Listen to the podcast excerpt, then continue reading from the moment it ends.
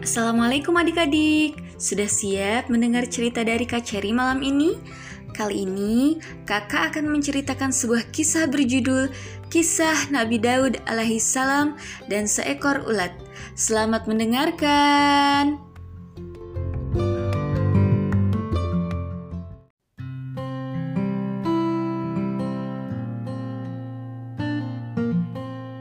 Kisah Nabi Daud alaihi salam dan seekor ulat. Nabi Daud alaihi salam merupakan nabi yang sangat taat kepada Allah Subhanahu wa taala.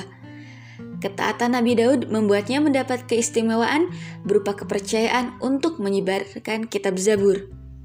Suatu hari, beliau yang sedang membaca kitab Zabur sembali duduk tenang dalam suraunya melihat seekor ulat merah yang berada di sekitarnya. Beliau kemudian mengawasi ulat tersebut sambil berpikir dalam hati, "Apa ya yang Allah harapkan dari ulat kecil ini?" Mengetahui pikiran Nabi Daud, Allah Subhanahu wa taala kemudian mengizinkan ulat tersebut untuk berkata layaknya manusia. Ulat merah itu pun berkata kepada Nabi Daud, "Wahai Nabi Allah, Allah Subhanahu wa taala telah mengilhamkan kepadaku untuk selalu membaca tasbih subhanallah walhamdulillah wala ilaha illallah wallahu akbar setiap hari sebanyak seribu kali pada siang hari. Pada malam harinya, Allah Subhanahu wa taala mengilhamkanku untuk membaca Allahumma sholli ala Muhammadin nabil ummi wa ala alihi wa sahbihi wasallim sebanyak seribu kali juga.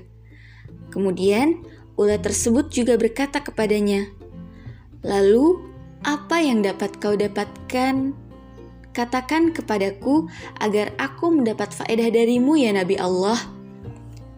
Mendengar perkataan ulat tersebut membuat Nabi Daud tersadar bahwa dirinya khilaf. Ia telah memandang remeh makhluk Allah yang terlihat kecil dan tak bisa apa-apa. Padahal mereka bisa lebih dahsyat ibadahnya terhadap Allah dengan caranya sendiri. Kemudian Nabi Daud memohon ampun dan berserah diri kepada Allah Subhanahu wa taala. Begitulah sifat pemikir seorang rasul yang bijak. Setelahnya, beliau tak lagi menganggap rendah segala makhluk ciptaan Allah. Nah, pelajaran yang bisa kita dapatkan dari kisah ini adalah kita tak boleh memandang rendah dan meremehkan orang lain, seperti ulat dalam kisah ini.